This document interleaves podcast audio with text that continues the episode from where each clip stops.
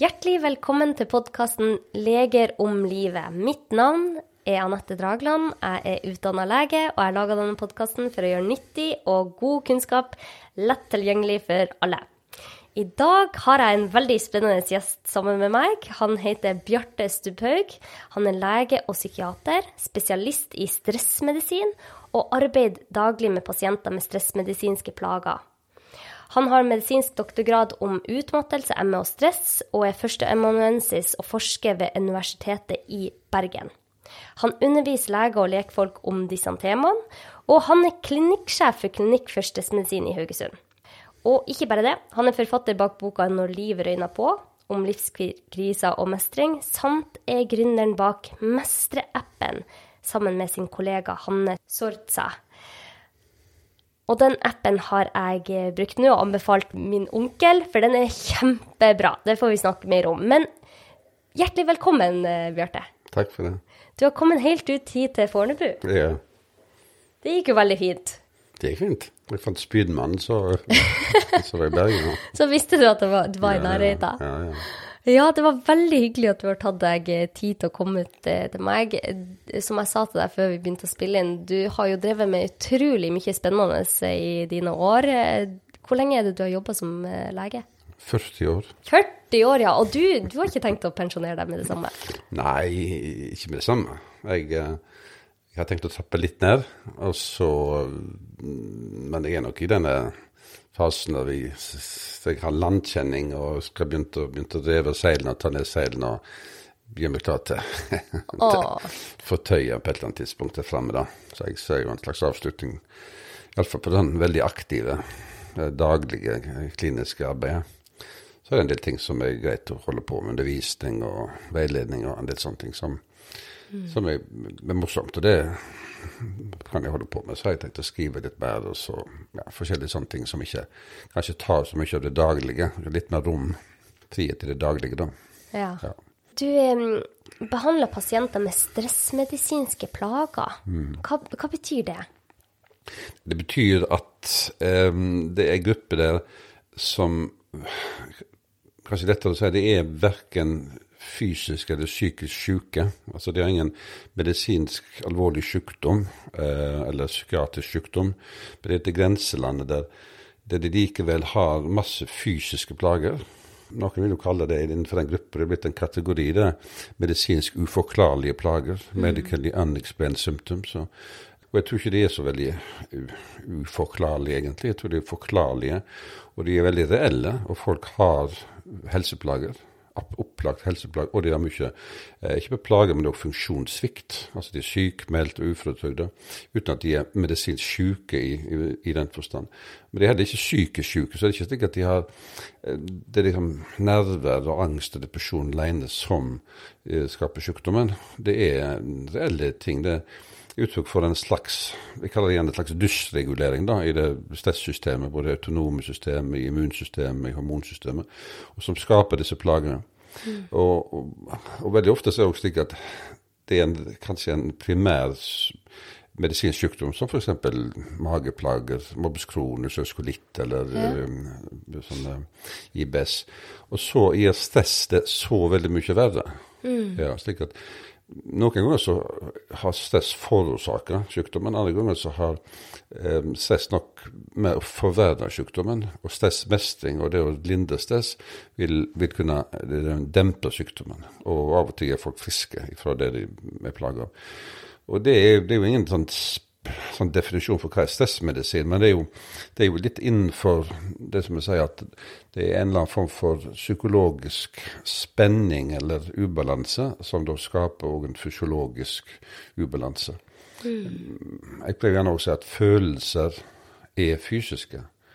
Og Det betyr òg at alle følelser, alle negative følelser, blir på en eller annen måte omgjort til fysiske, fysiologiske reaksjoner.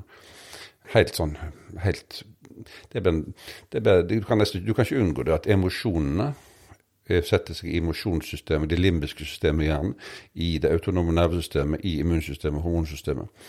Og da skaper det veldig ofte så mye plager at det blir sykdom av det, altså opplevd sykdom, subjektive helseplager.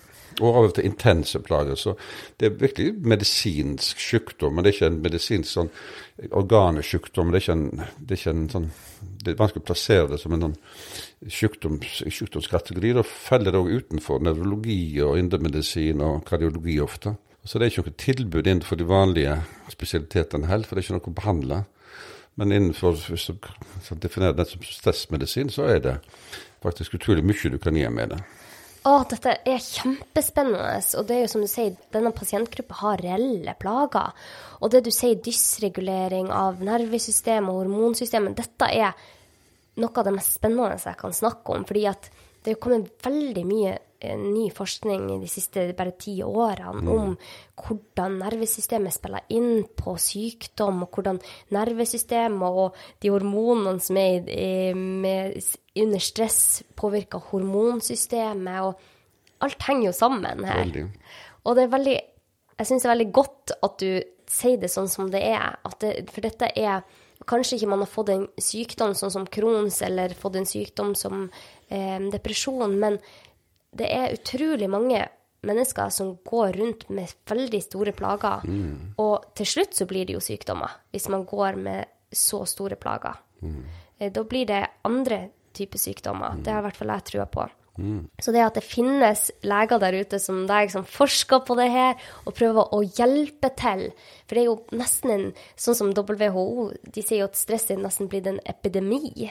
Én mm. av tre opplevde daglig. Mm. Men kan du fortelle, hva er egentlig stress? Mm. Ja, skal vi definere det, så, så jeg, jeg, tar ofte fram Hans Selje sin definisjon, eller måten han formulerte på 1936. Hans Selje oppfant stress. Mm. Men altså vel å stressbegrepet. Ja. Stress er beskrevet langt, langt, langt tilbake så lenge det er rapporter om helseplager og sykdom, så, så, kan du si at dette er jo stress. Men Hans Selje han formulerte sånn at stress, hvis vi skal ta det på engelsk, da Stress is the non-specific reaction in the body to any demand. Men det er kroppens eh, respons på all verdens belastning og krav og forandring. Og da tar vi inn og snakker vi både om altså fysiske altså utfordringer, som f.eks. blødning og uttørking og varme og alt dette her. Infeksjoner kommer inn, så, som er en belastning på immunsystemet. Vi tar inn flytting, forandring. Vi tar inn det å i livet. Begynne på skolen, eh, bli voksen, få jobb, få sin kjæreste, få barn. Eh, bli eldre, bli oppsagt, eh, ha karriere. Eh, sant? Og alt som da er vanskelig Alt som er usikkert, alt som er nytt, alt som stiller krav til meg.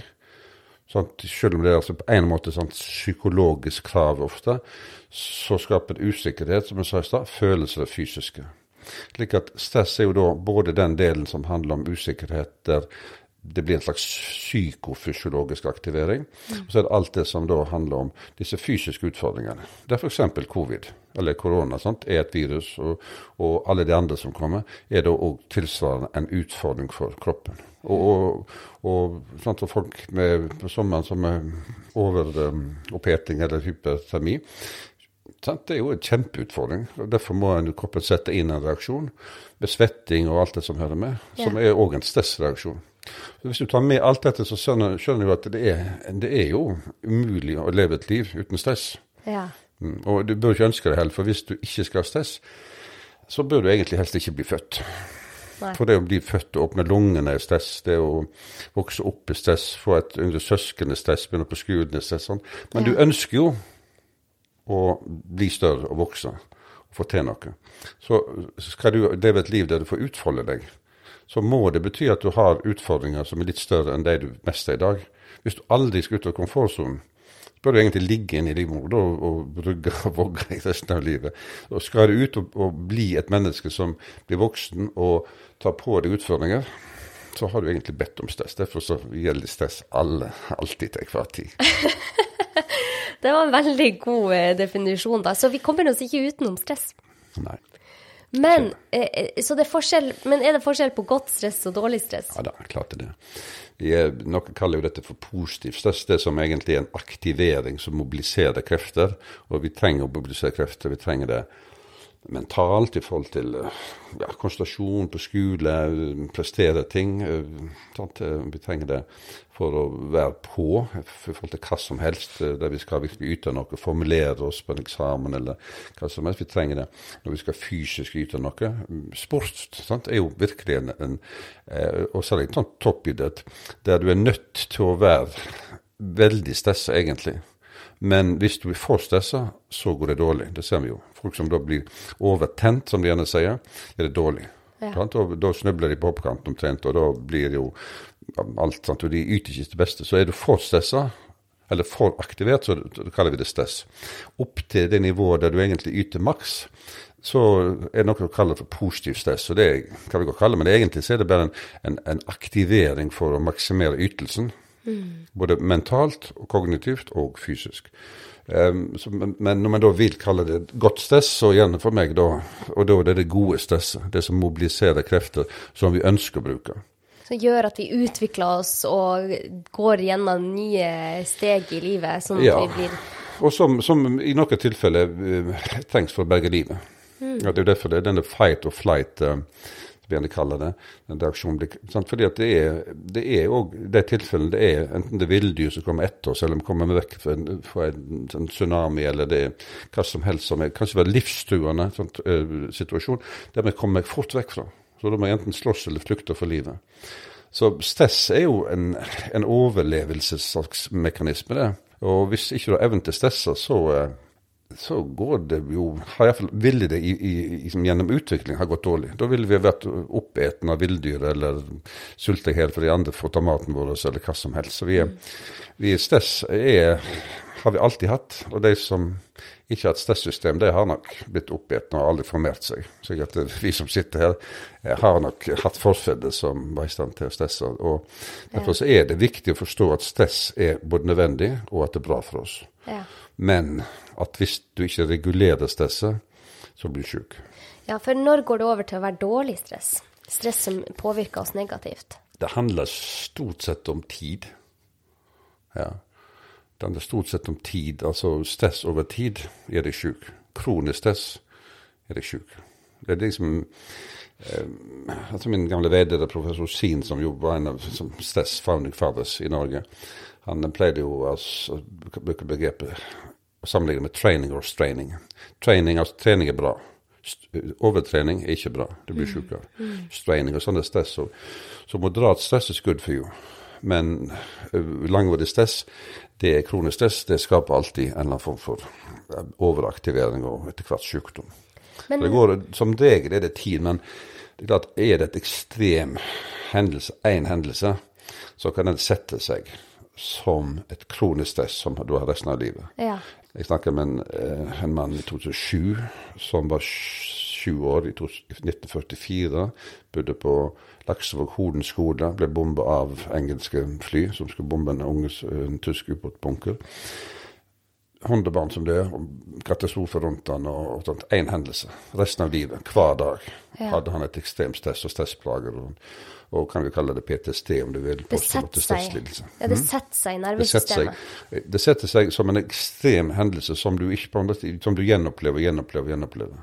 Som du ikke blir kvitt hvis du ikke får hjelp til det. Så det er jo det som er det greiene med en del sånn posttraumatisk stresslidelse, at det er kanskje bare én hendelse, men den, den blir værende som en vedvarende aktivering. Og så etter hvert så virker den jo inn på søvn og på alt mulig annet. blir det angst og depresjon, og så får du en vond sirkel. Ja. Så, det, så i noen tilfeller så er én stresshendelse nok. Det er sånne traumer, type 1-traumer som jeg kaller det. De store traumene. Vanligvis så vil stress i forhold til sykdom òg handle om tid. Kortere stress tåler vi godt.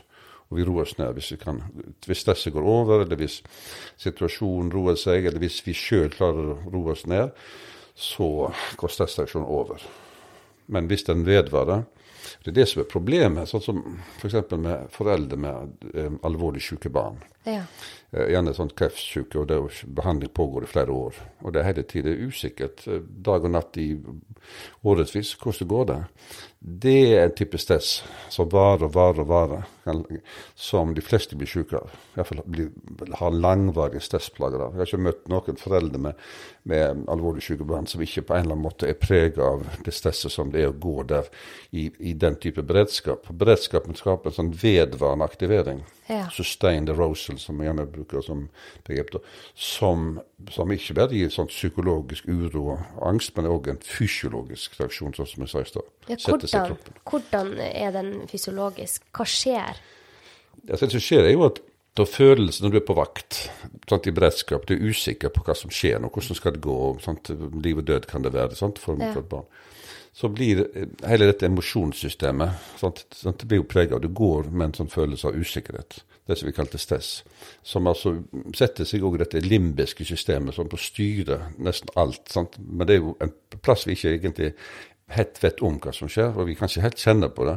Men det setter seg via det, i det autonome nervesystemet, slik at du får en aktivering av det sympatiske nervesystemet, slik at du har en høyere sånn sympatikus tone, som gjerne sier med et fint ord. Eh, med sikkert pulsene går høyere sånn hele døgnet, og alt annet i kroppen blir preget av det. Og så blir alltid immunsystemet påvirka av det, og hormonsystemet. Slik at du går med en sånn type stressaktivering i kroppen. Huden, sant, som du vet mye om, sant, Ja. setter seg jo De fleste med kronisk stress har jo hudplager. Ja, ja, ja. Og har de, ikke, og har de hudplager fra før, så blir det enda verre. Ja. Så det er jo, de kan miste håret og alt sånt. sikkert du du kan få sånn akutte dermatitter. Det er utrolig mange ting som du kan få sikkert Det du får av symptom, det kan være forskjellig. Men det som på en måte er aktiveringen i, i dette si, fysiske systemet, eller totale kroppssystemet, det er ganske likt. Ja.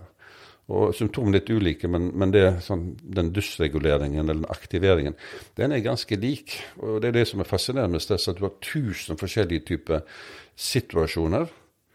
Men når du kommer til kroppsreaksjonen, kroppsreaksjon, the bodily reaction, som han selv sa, Ja. så er den veldig lik. Fordi at vi er så like. Ja. Men vi er så like når det kommer til dette kroppslige systemet og, og, og fysiologien, at vi, vi, kan, sant, vi kan bruke det vi vet ifra en person, og så vidt fra nesten all dyreforskning. Det er masse stressforskning som kommer fra rotteforskning. Så kan du men er vi like rotter? Ja, det, vi er det. Vi er skuffende like rottene. Det er jo 70-80 eh, likt egentlig når det kommer til den delen av, av, av systemet. Altså hjernen og um, stressystemet.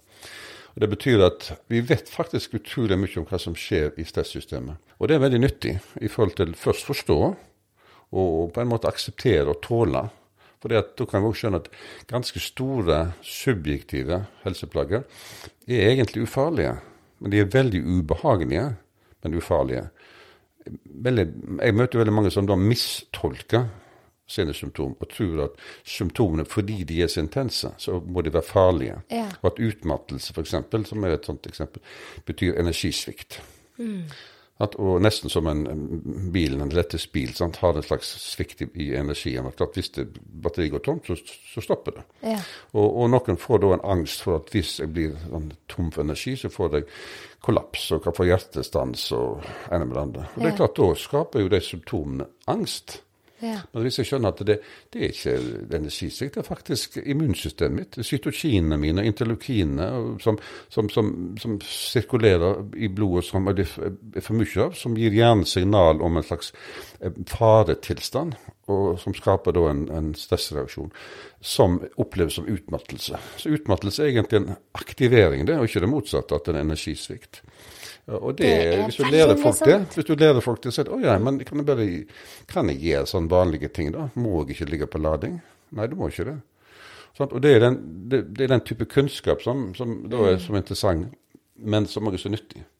Å kunne bruke og formidle til folk. Å ja, er det sånn det? Fordi at da blir symptomer som du i utgangspunktet tolker som farlige, blir ufarlige. Du må fortsatt ta hensyn til det, og kanskje må forholde deg til å ta pauser og sånt, men uh, likevel så er det en helt annen. Og Det er jo det som er en del av en stressmedisin, at du hjelper folk til å fortolke og forklare mange symptomer som ellers er uforklarlige, Ja. eller til og med de oppfattes som farlige. Ja. Men det er, det er veldig um, interessant det du sier, ikke sant? at det er cytokiner og interleukin. Altså det, det er noe fysiologisk som skjer med deg under veldig stressende tider. Men hvordan er det dette med lavgradig stress, da, Bjarte? Fordi at i våre samfunn nå så er det veldig mye som skjer, og det er, det er mm, det er mye forventninger, sånn som han, han Selje sa, at det, det, er en reaksjon på en demand. Mm. Og det er jo Er det ikke mer press nå enn det var før, eller hva tenker du om dette? For før i tida så hadde vi jo kanskje et voldsomt press for eh, fysisk stress. At vi måtte ut på gården, vi måtte få nok mat og sånn. Men nå blir stressystemet trigga med at vi ikke får likes på Facebook, eller at eh, vi ikke får til oppgavene våre på jobb, det er deadlines. Det er en annen aktivering, men det, det er samme reaksjon i kroppen. Kan ikke du fortelle litt om dette? Ja. Det er interessant. Jeg syns jo dette er alltid interessant. Interessant å prøve å formidle. For jeg tror, jeg må begynne med stress. Um, vi snakker om det som ett begrep, men det er jo egentlig to, to ting i det. det. det. ene er jo stressituasjon, altså stressord, som vi kan kalle det. Og det andre stressresponsen. Hvis vi blander det sammen, så er det dette å si jo, men det er jo mer stress nå, eller det er mindre stress. Og de fleste vil jo si at det er jo mindre stress enn før. Altså Det er jo mindre kortere arbeidsdager, det er mer fri, det er bedre velferdsordninger, det er ditt og datt og mat og helt tatt alt. At levealderen er lengre, sier jo at vi er friskere enn noen gang før. Så på en måte, objektivt sett, så har det aldri vært lettere å leve. I hvert fall i vårt land, da. Ja. En, en, så, så stressituasjonen er jo på en måte den, det tror jeg sånn Objektivt sett må vi si at den er den mindre stress når vi ser på situasjonen. Men så kommer, vi, men så kommer disse tingene inn sånn eh, Er det dette å være sammenligna med folk og alt dette sosiale og sosiale medier og alt som kommer der, og karrierejag og sånn og sånn. Men, eh, og da, er det en ny type stress. Men da må vi kanskje gå til stressreaksjon, responsen. At det det, det dette ligger um, Hvordan tar vi, hvordan tolker vi, hvordan uh, reagerer vi på en situasjon i dag? Jo, vi reagerer med sant? Så kommer forventningspresset, så kommer andres forventningspresset, så kommer det å ha likes for andre, ikke sant? så kommer alt det å bli se godt ut og god figur og ja, alle disse tingene. Ja. Så kommer penger og økonomi og karriere osv. Ja, på toppen. Ja, ja. Sammenligne, kan sammenligne oss hele tida med andre. Og så tror vi ikke minst at det vi ser på skjermen, det er virkelig. Sant? Og Det betyr òg at hvis vi tror at alt vi ser er virkelig, og så ser jeg på mitt liv, så er det jo stort sett eh, Det er liksom Det er så dårlig, syns jeg. I forhold til I forhold til det ja. glans, glansbildet du ser. Ja, ja, Derfor så er det jo det er mange med dette som har kalt dette for skamtelefon. Ikke smarttelefon, men skamtelefon. Den induserer så mye skam. Men, men, vi snakker jo da om folks respons. Vi snakker jo ikke om at livet objektivt sett er, er, tøffere, men vi snakker om at vi har tatt inn noen forventninger og så gjort de til våre. Så vi har på en måte forholdt oss nå til en verden som i og for seg er bedre, lettere enn noen gang, mm. men vi har gjort den vanskeligere. Og det er gjerne det som du kan kalle lavgradig stress. Um, og om du vil, så kan du si at det er jo liv og livssituasjon, og sånn sett så er det en, en skal vi si, en mer stressituasjon, eller mer alvorlig. Men jeg, jeg, kaller dette en del av stressrespons. For det, det betyr du, du kan gjøre noe med det sjøl. Mm. Ja, det er responsen din. Og det, det, er derfor det er bedre å, å se på dette som en stressrespons. Måten du måtte forholde deg til livet på. Ja. ja. Og det er klart at hvis du tar inn alt dette som da er sånne falske forventninger, egentlig, og så at det er viktig. Hvis du tar inn verdier som egentlig ikke handler om verdier, men som handler om et eller annet i en kultur som, som du tror du må leve opp til. Men da, hele tida snakker du om din måte å tenke på, din måte å ta det på. Mm. Og, og, Derfor så er det en utfordring å gjøre dette til ditt ansvar. Hvordan du tar en del ting i livet. Ikke gjør det til, til, til et eller annet ytterting som sier at sånn er det bare. Nei. Det er veldig mye hvordan du tar det. Mm. For vi er jo et produkt av evolusjonen. Og vi sammenligner oss med kanskje 30 stykker før i tida. Mm. Eh, mens nå så sammenligner vi oss med hele verden. Mm. Og det er jo så mye studier som viser hvor eh, ja, at sosiale medier f.eks. kan være ganske negativt for eh, vår helse. Men vi lever jo i det samfunnet vi lever i nå. Mm. Hvordan tenker du at vi på best mulig måte kan håndtere dette samfunnet som vi lever i nå. For vi kan, vi kan, ikke endre samfunnet rundt oss, men vi kan endre vår respons. Hvordan ser du at vi kan gjøre dette på en god måte? Det, det, det, er vanskelig å si eller svare på det sånn generelt. Det blir fort litt sånn Nesten sånn som politiker, vet du. Sånn. For det, jeg tror ikke det er mulig å forandre ting i stor skala. Det, det, tviler jeg på. Jeg tror at det er en del ting utvikles som går sin gang, og er det for kraftige aktører. Bare ta dette med sosiale medier, og, eller nettet generelt, og mobilbruk.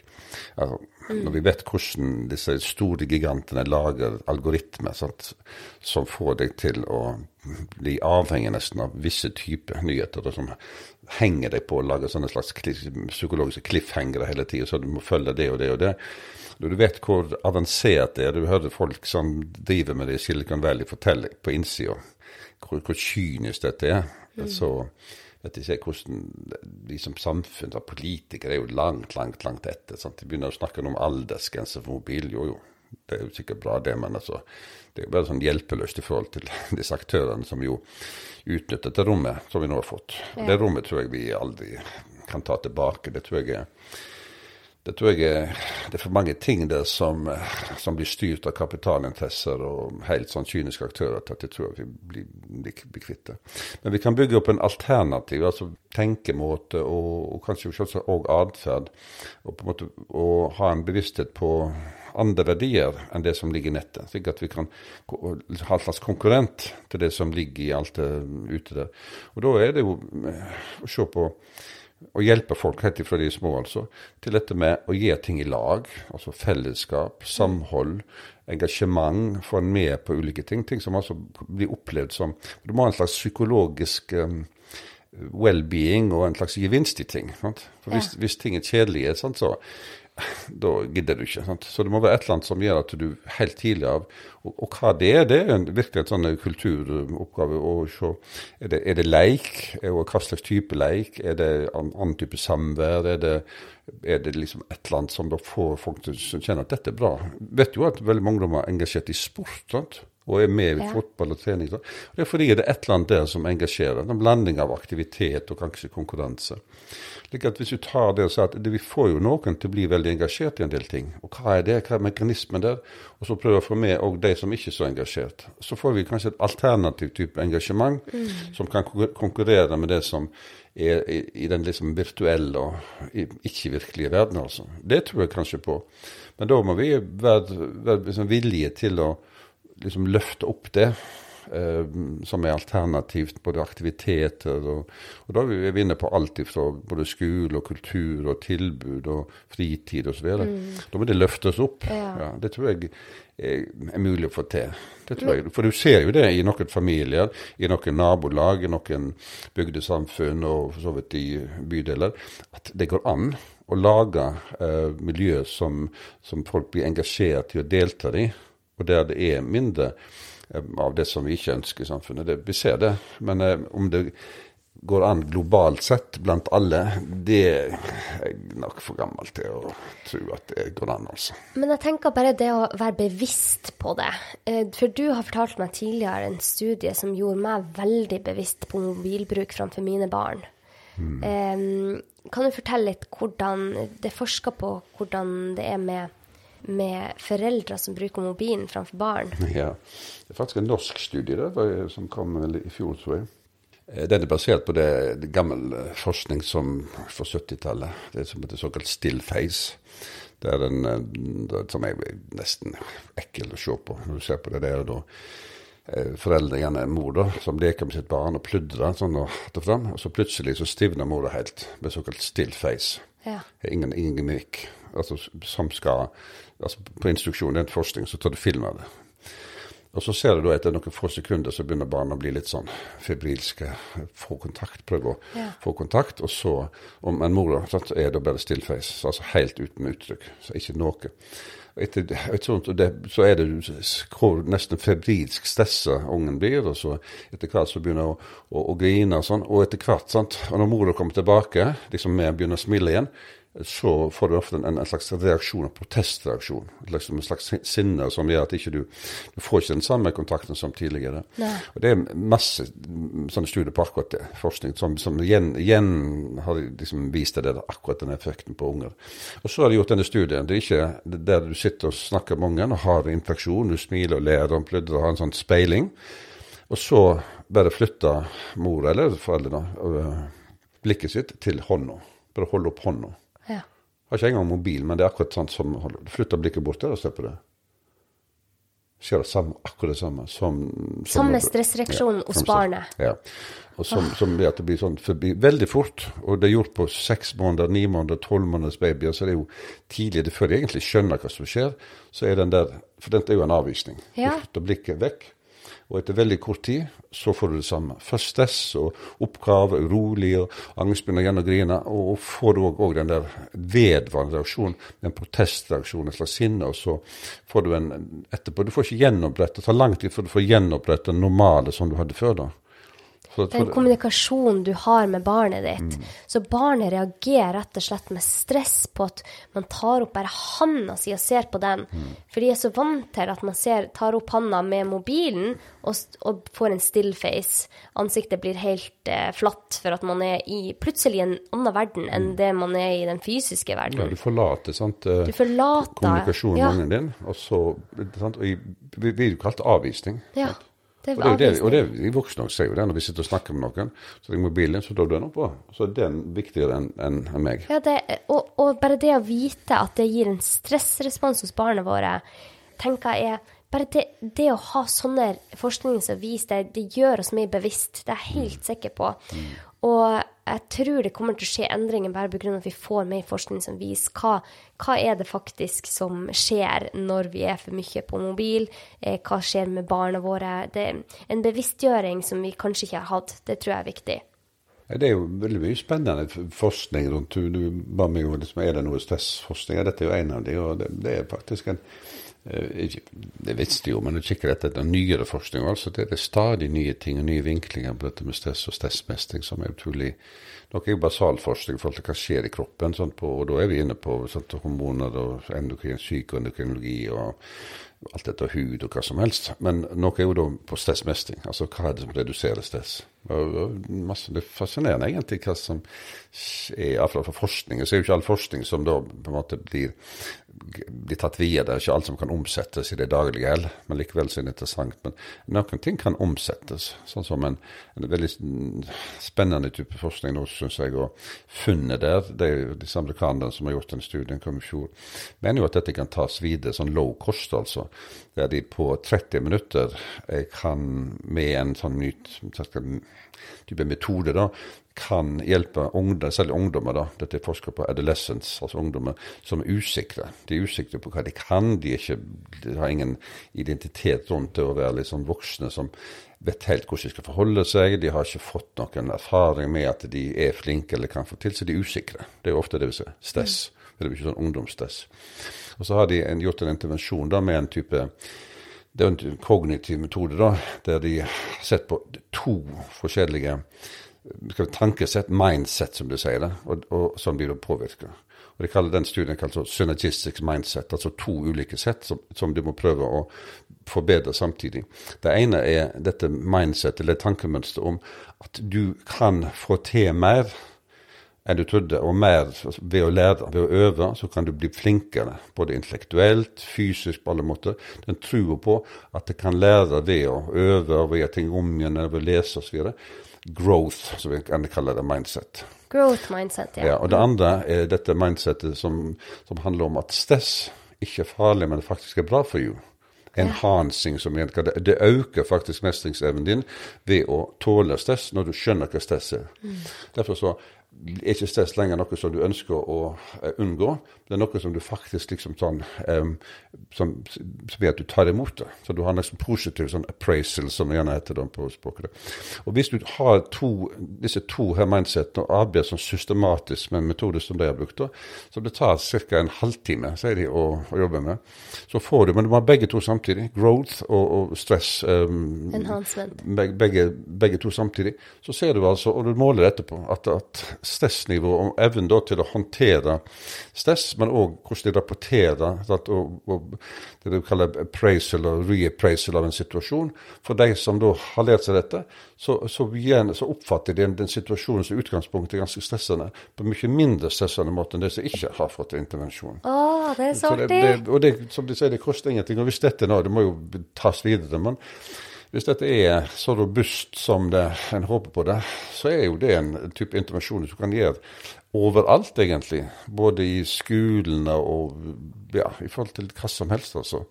Eh, morsomt og interessant, spennende, egentlig. Det er jo da eksempel på sånn forskning som er på en måte avansert, men du ser kommer ned på, så er det, er det jo egentlig ikke det. Alle vet jo at tankemønsteret ditt betyr mye for hvordan du håndterer stress. Kan du påvirke det, og det er jo basis for all kognitiv terapi, at du kan påvirke tankemønsteret ditt.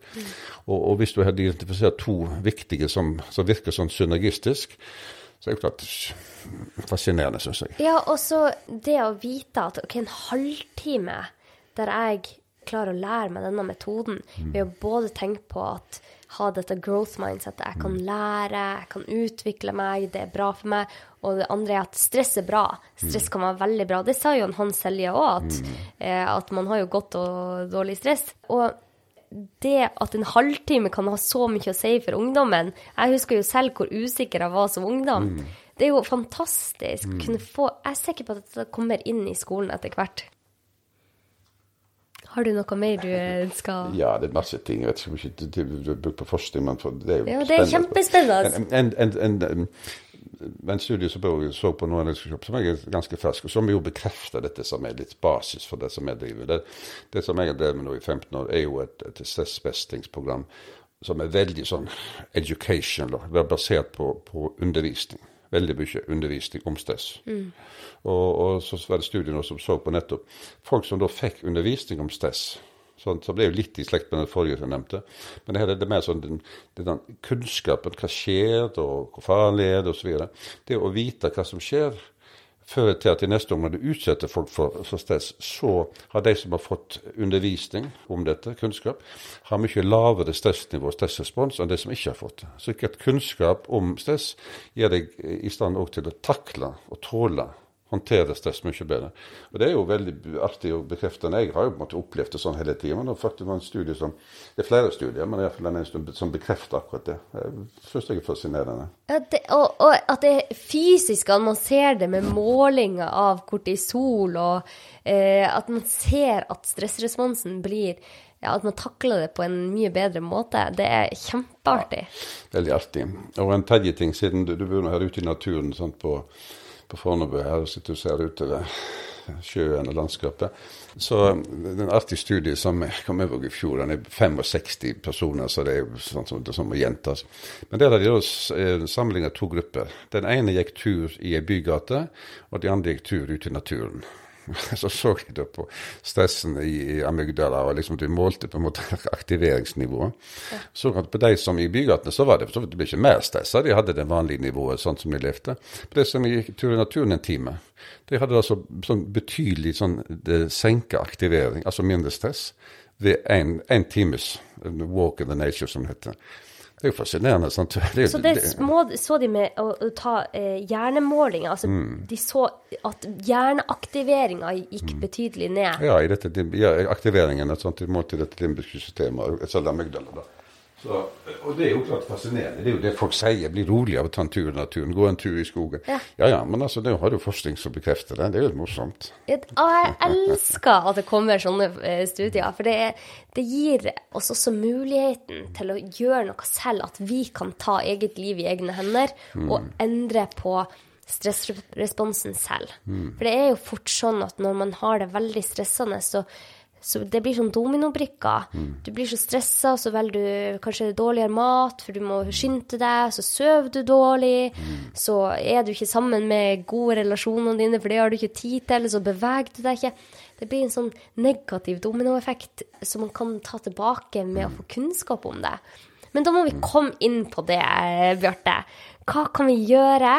Vi lever i dette samfunnet her, og det vil vi jo. Vi har jo ikke lyst til å flytte på ei hytte alene i, i en eller annen eh, fjell i, i Tigok. Vi har lyst til å bo her vi bor. Men hvordan tenker du at vi kan gjøre det på best mulig måte og ha det godt i livet? Jo, um, men da skal jeg tror jeg skal svare med en, en faktisk en, en studie som, som, viser, det er en stor studie, altså internasjonal, som viser um, sånn på gruppenivå at da snakker vi om livets begynnelse, at barselpermisjon, lengden og altså, altså det som kalles the generosity, hvor, hvor generøs en, en barselpermisjon i tid og i, altså i lønn, da, eller penger. Ja. Dess, mer, dess lengre den er, og dess mer raus, altså også i forhold til for lønn, støtte, dess mindre risiko for stress og uh, mental sykdom har du resten av livet. Ah, tenk det. Og, det, det, og sant, og er inne på hva politikerne gjør. Jo, det er klart at Norge har noen av de beste både lengste og beste. Mm. Og, og, på, altså, på gruppenivå så er det en beskyttelse mot stress, og, og, som fører til da stressykdommer, og inklusive angst, depresjon og selvmord senere i livet. Ja. Det betyr at altså, politikeren kan òg komme inn og skape. Det, det er jo selvsagt derfor en mener en har gjort det. For at det er bra. Det er bra for barnet, og det er bra for mødrene. Det er særlig mødrene som da kommer godt ut. Det, barselpermisjon for menn ser ikke ut til det altså Du klarer ikke å finne at det beskytter deg, men det beskytter altså risiko, lav risiko for senere sykdom hos, hos mødrene. Ja. Så det er bra at vi har et sånt system. Så når du spør hva kan vi gjøre, jo, politikere kan faktisk legge til rette. Og da kan vi ta det videre til til ting i skole og fritid og fritidsordninger og ink sant, inklusjon, og hjelpe til at alle blir inkludert, og med støtteordninger sånn at folk ikke blir ekskludert, at du får ikke får dette utenfor samfunnet. For det, det, vet jo veldig mye om at utenforskap skaper sykdom. Ja. Og da er det ofte iallfall en, en del ting som politikere, skole eller sånn samfunnet kan gjøre. Men hvis vi går til det, på det hva kanskje du spurte om, hva kan vi gjøre litt sånn på det individuelle planet? Ja, men jeg syns det er kjempefint. Altså, det, det starter fra du er født. Det er jo faktisk noen studier som viser òg at hvis mor er stressa under svangerskapet, så kan du eh, ha mer stress i ditt liv Stemmer. resten av livet. Altså, så, så, det starter fra du eh, blir til. Og, og, det er veldig fint å vite. Og det er også fint det at du forteller om at en enkelt traume kan sette seg i systemet. For da vet man OK det har kanskje skjedd meg, mm. men det finnes grep man kan ta. Det finnes behandling som gjør at ikke nervesystemet mitt trenger å være aktivert på et så høyt nivå resten av livet. Mm. Men man må få hjelp. Mm. Men ja, eh, la oss gå til det individuelle, da. Hva kan jeg gjøre, hva kan du gjøre for å ha det så godt som mulig i det samfunnet vi lever? Jeg tror jo at jeg har jo litt et slags lite mantra da, som jeg kaller det, som, som, jeg tror er ganske robust i forhold til nesten alt. Som handler om å forstå hva som skjer. Da mener jeg litt i forhold til stress. Hva er det som er stressende? Og hva er det som kanskje ikke er så stressende, som er mer sånn growth, som du kan vokse på? Slik at du, du kan forstå dynamikken. For da kan du liksom iallfall forstå hva som skjer med meg, som jeg sa i stad. Du, du, håndterer ting bedre når du forstår. Så, mm. så kunnskap er utrolig viktig. Mm. Kunnskap om, altså om livet generelt, men her snakker vi om stress og ulike belastninger, og hvor viktig det er, og, hvor viktig det er med søvn. og sant? Forstå altså at søvn f.eks. er den viktigste, absolutt viktigste restitusjonen som vi har. Mm. For Hvis du overser det, så kan du, gjøre, du kan være så flink du vil med all verdens antioksidanter, fuglefrø og hva som helst du putter i deg. Det ja, hjelper ja. ikke hvis du ikke sover skikkelig og nok. Og, og, og, andre ting. Og skjerm og aktivering og alt vi snakker om. Du må ha kunnskap. Det er viktig. for da, da, kan du forebygge mange ting, og du kan òg håndtere mange ting som skjer. Og som jeg sa i stad, alle vil oppleve stress i livet. Men vet du hva som skjer, så er du ikke så redd for stress. Tvert imot. Du kan faktisk si at det er bra, jeg ler jo av det. Stress is good for me. Så kunnskap er utrolig viktig, og det, det, er jo kunnskap som du aldri får nok av. slik at Det er jo lag på lag og hele livet, det, og nye faser i livet. Du kan lære kunnskap. Du kan tilegne deg og få kunnskap, søke kunnskap, åpent for Ja, det er sånn det er. Det er altfor mange som går rundt og tror de vet hvordan ting er, som er ignorante, eller som feiltolker ting. Er så mye kunnskapsløshet blant folk. Altså meg sjøl. Jeg lærer jo stadig nye ting, og ting jeg trodde jeg visste før, det ser jeg at det jo, stemmer jo ikke. Slik at denne åpenheten for å forstå mer, hele tida på jakt etter nye ting, være sånn, være open-minded i forhold til det som nesten alltid du ser, skråsikkerhet og den der, sånt, alt som du ser i alle slags kommentarfelt og hvor som helst, men òg skråsikkerhet i forhold til betyr vi vet det, en gang for alle. Nesten aldri vet vi. Jeg pleier å si at skråsikkerhet er det motsatte av utvikling. Ja. Det er egentlig det. Stopper helt opp. Mm. Det, ja, det, er sånn det er. Det med alle som, de, de, største vitenskapsfolk og de klokeste folkene, den, du ser jo hvor åpne de er for ny kunnskap. Og De sier at i, i, dag vet vi akkurat dette, men i morgen så ser vi at det vi visste i dag, det stemmer ikke lenger. Sant? Sånn er det med all vitenskap, både innenfor medisin og hva som helst. Mm. Kunnskap. Det andre som er for å håndtere stress og ha det bedre, det er den helt sånn en måte, det er så grunnleggende. Men, men du må, tenker du på det, så er det utrolig viktig. Aksept. Aksept for hva da? For det som er sant. Mm. Det betyr det som har skjedd, måten du har tenkt på, måten du har reagert på, måten du har gjort ting på. Det du har gjort, det som har skjedd, har skjedd. Mm. Det er lurt å være på lag med det som er sant. Og Da må du akseptere både sykdom, ulykker, uflaks, det andre har funnet på, det du sjøl har funnet på, det du har gjort, det du har tenkt, og si at OK, her er jeg i dag. Hvis det du har gjort, og det som har skjedd, er bra, så er du glad. Men hvis det som har skjedd, er ekkelt eller skummelt eller tragisk, så må du likevel akseptere det som noe som har skjedd. Mm. Som du ikke kan forandre på. Det er altfor mange som har sånne omkamper om, om fortid. Det skulle ikke skje, det er urettferdig, det er feil, og angrer på ditt og datt. Veldig mye sånn mentalt stress som blir skapt av det å ikke akseptere tingene som de er. Mm. Og jeg mener ikke at du skal akseptere det fra første øyeblikk. F.eks. at noen nær deg er død, eller et eller annet sånt. Det tar tid, du får lov til å protestere, og det er masse akutte stressreaksjoner. Men på et eller annet tidspunkt så tror jeg en må, måtte være på lag med å komme til å akseptere at sånn er det bare. Fordi at det rommet i dette som jeg kaller aksept, det er det eneste rommet måte, som gir deg en slags sånn sinnsro og fred til i neste omgang kunne si OK, men hva gjør jeg nå, da? Hvordan håndterer jeg livet mitt nå, når det er blitt sånn som det er blitt? Og Da må du ha en slags ro, og den roen får du ikke hvis at du skal gå rundt og være sint og hate og være på en eller annen måte i en slags sånn psykologisk opprør, eller kroppen er stressa. Jeg prøver å si imot det som er realiteten. Jeg er midt i en sykdom, jeg er i en skilsmisse, jeg, barnet mitt er blitt sykt, eller, eller, bare jobben min er stressende, Så bare akseptere det sånn som det er. Gi rom for å kunne få det bedre. Mm. Det er interessant. Mm. Det er veldig interessant. og det, det, er, det er ikke, Jeg så på um, terapier nå, en, publiserte en, mm, i forfjor en artikkel om disse resultatene våre selv i forfjor. Og Da måtte jeg se på alle studiene, sånn stressmestringsstudier. Så så jeg at i løpet av de siste årene var det kommet utrolig mange studier som, som baserte seg på en eller annen form for akseptterapi, acceptance-terapi. Mm. Acceptance and commitment og diverse sånne varianter.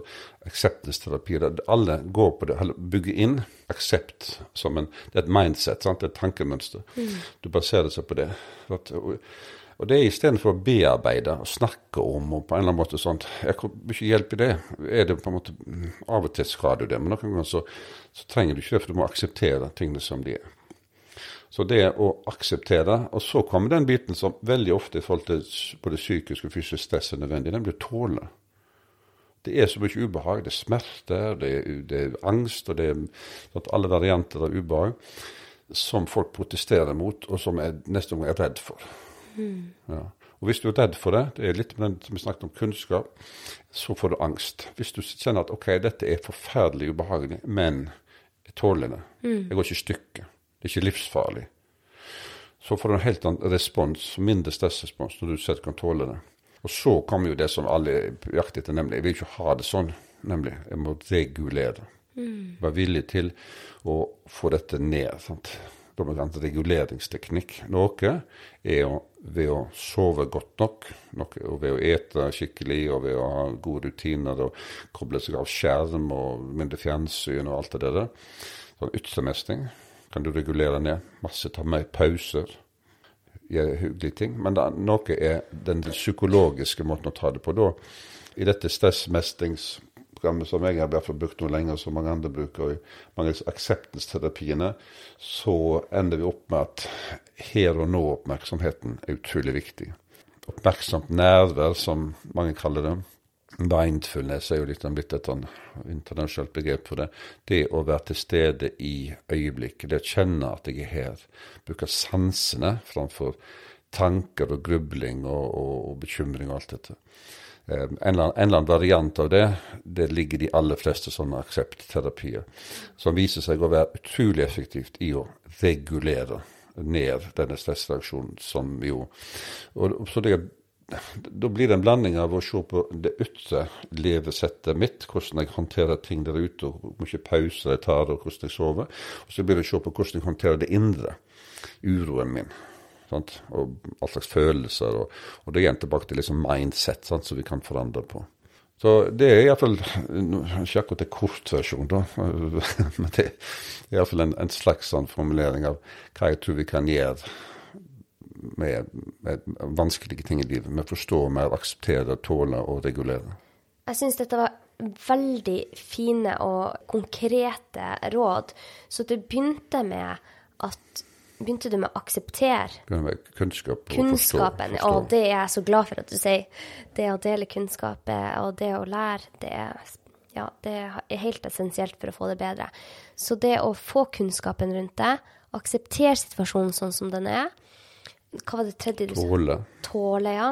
Tåle å stå i det. Vi er robuste mennesker. Mm. Livet er tøft for alle i, til tider. Men heldigvis så er vi robuste. Og det fjerde var dette med å være her og nå. Ja, det regulere. Å regulere. Ja.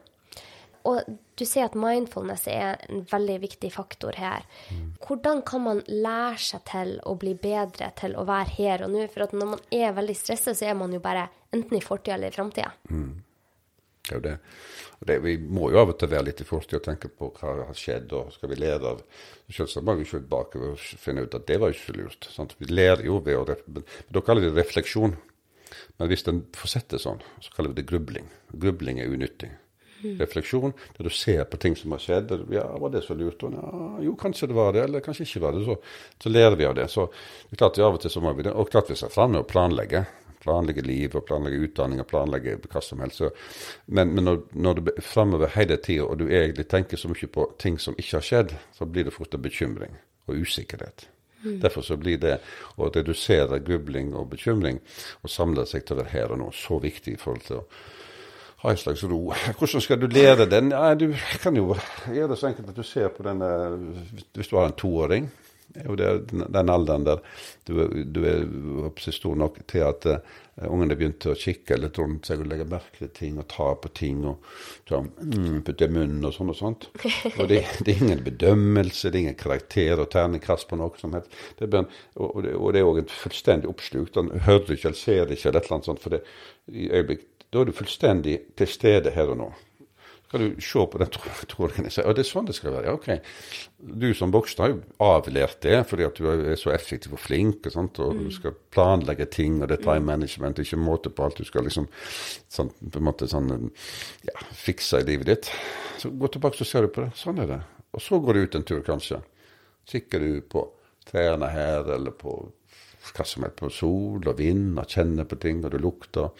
Kjenner sånt, luft og kjenner vind i kinnene dine, rusker i håret ditt, og stopper opp og kjenner på sola som akkurat nå begynte å varme. og sånn. Så kjenner du at ah, ja, nå er jeg her. Så sansetrening, som jeg gjerne kaller det, er den enkleste formen. Det er å sitte i ro og bare kjenne at Puste inn, puste ut. Altså, Hvor vanskelig kan det være? Men du var villig til og, og, sant, og gjør det, og villig til å trene på det. Var villig òg til å tenke at dette er kanskje lurt. Selv om du sier nei, det er bare tull. Det er, hva er det for noe? Sånt? sånn, Det er jo bare banale ting. Det, det, det. Jeg skal love deg at det virker. Jeg lover deg at det virker. Det er ikke bare jeg sant, som har sett det. Dette er utrolig mye også, både studie og forskning på. At det her og nå-oppmerksomhet tilstedeværelse akkurat her. Både i forhold til sånn fysiologiske parametere, altså med stress, men òg i forhold til sånn well-being, altså ro, sinnsro, i forhold til angst, depresjon, i forhold til, alt, og i forhold til livskvalitet. utrolig sånn hvor enkelt, men hvor effektivt det er.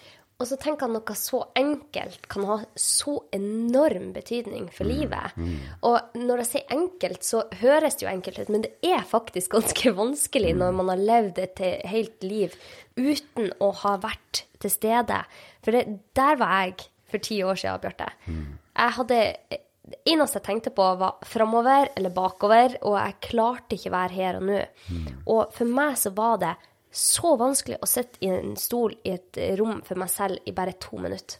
Det, det var nesten uutholdelig.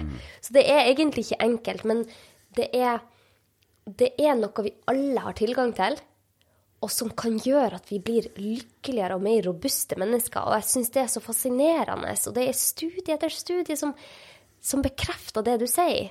Du har selv forska på det, og du ser hos dine pasienter hvor nyttig det er.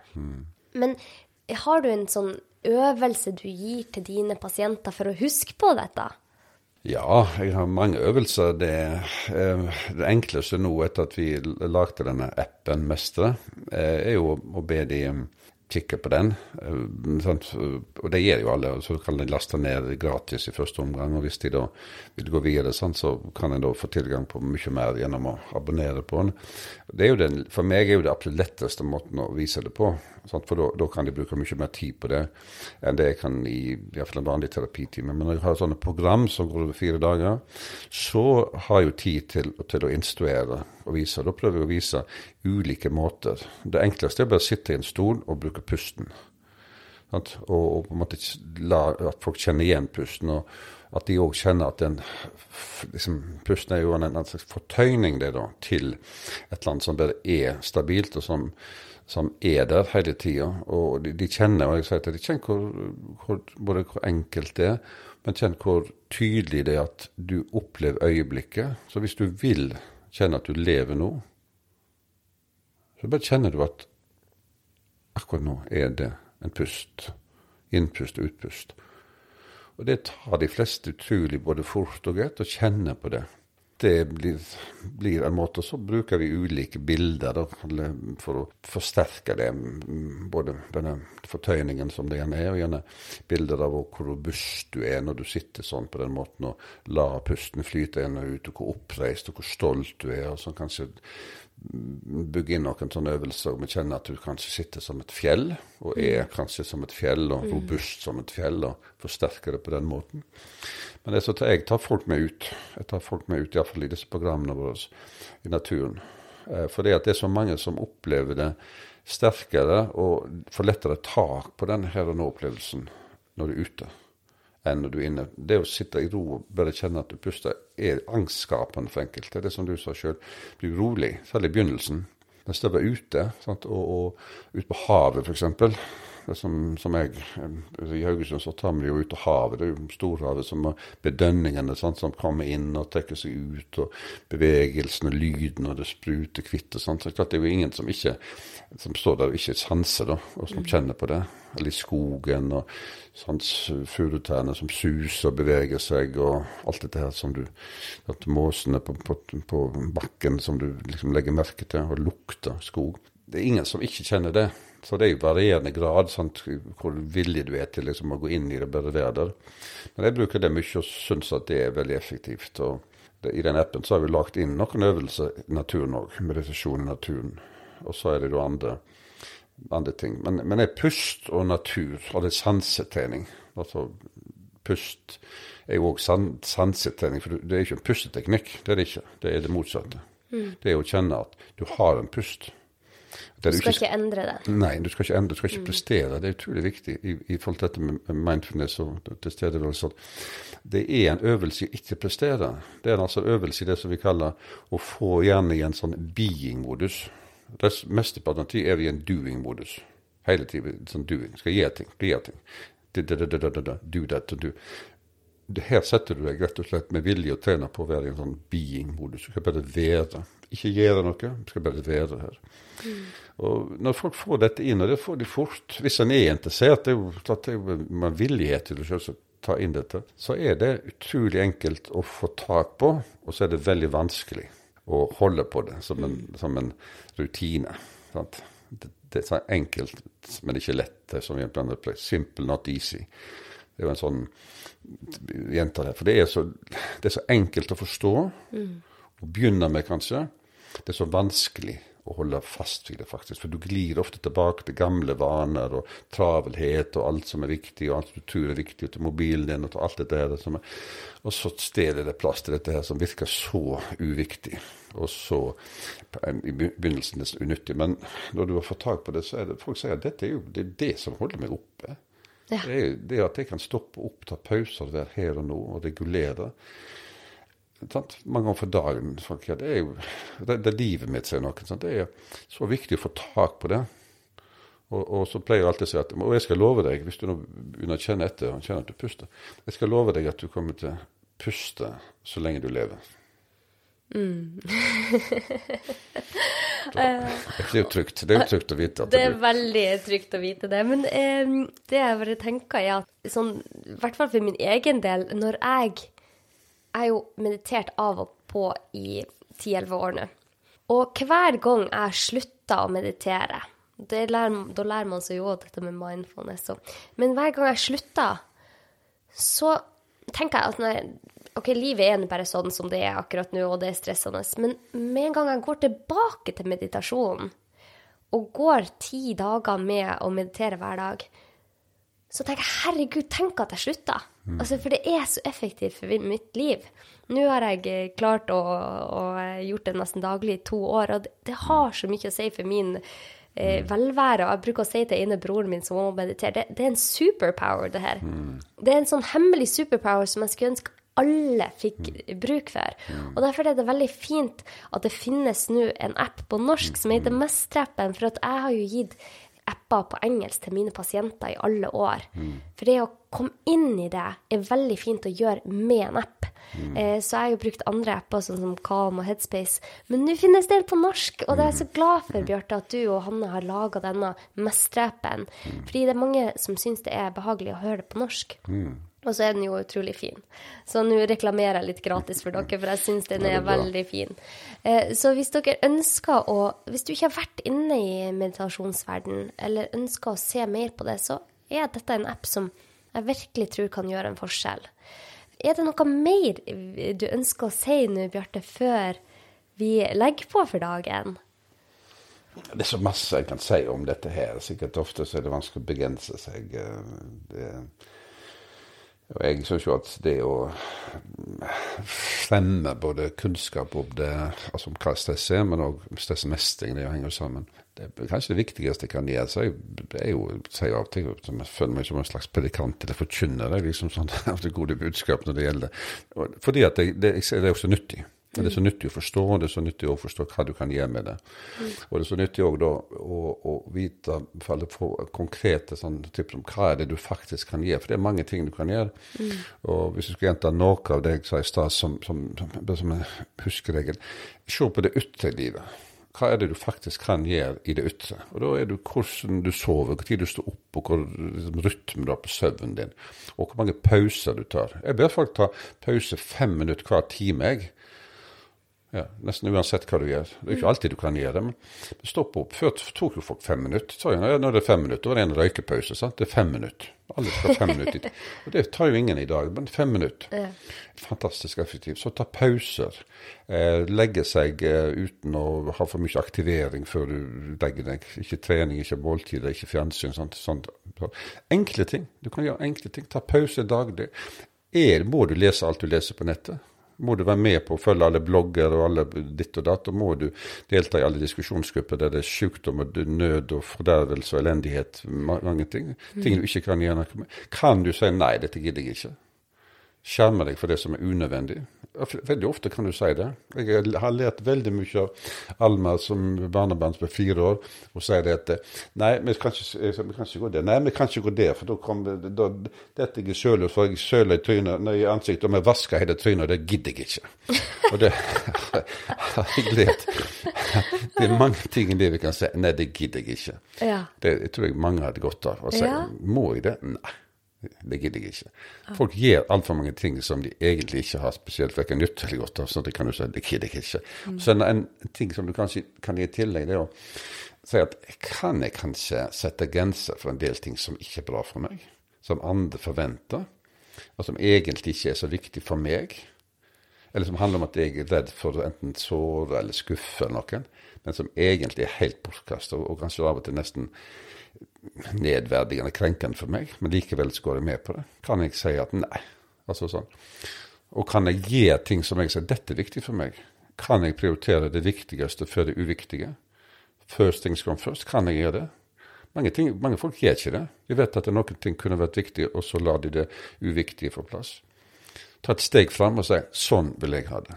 Det er ting som, som de aller fleste kan så det, en, kan, kan gjøre noe med. Så helt til slutt tror jeg vil se det er noen ting som ikke handler om sånne fine psykologiske teorier, eller sånn, men det er engasjement, glede og tilhørighet. Det er gull for mestring, det er gull for folkehelse, for livskvalitet. Og har du ikke det, så må du oppsøke et eller annet som du kan bli engasjert i. Noe som gir deg glede. Så må du dyrke det som du har av tilhørighet trenger ikke hele verden, det kan bare være én og to personer, eller familien din eller vennen din. Kjenne at det hører til. Det er så viktig, og det gjør deg så mye mer robust i forhold til å håndtere all form for stress og belastning, hvis du har dette med engasjement og glede og tilhørighet. Hmm. Her var det utrolig mye fin livsvisdom, Bjarte. Tusen takk. Jeg merker at det treffer meg. Tusen takk for at du tok deg tid til å komme ut hit på Hornebu.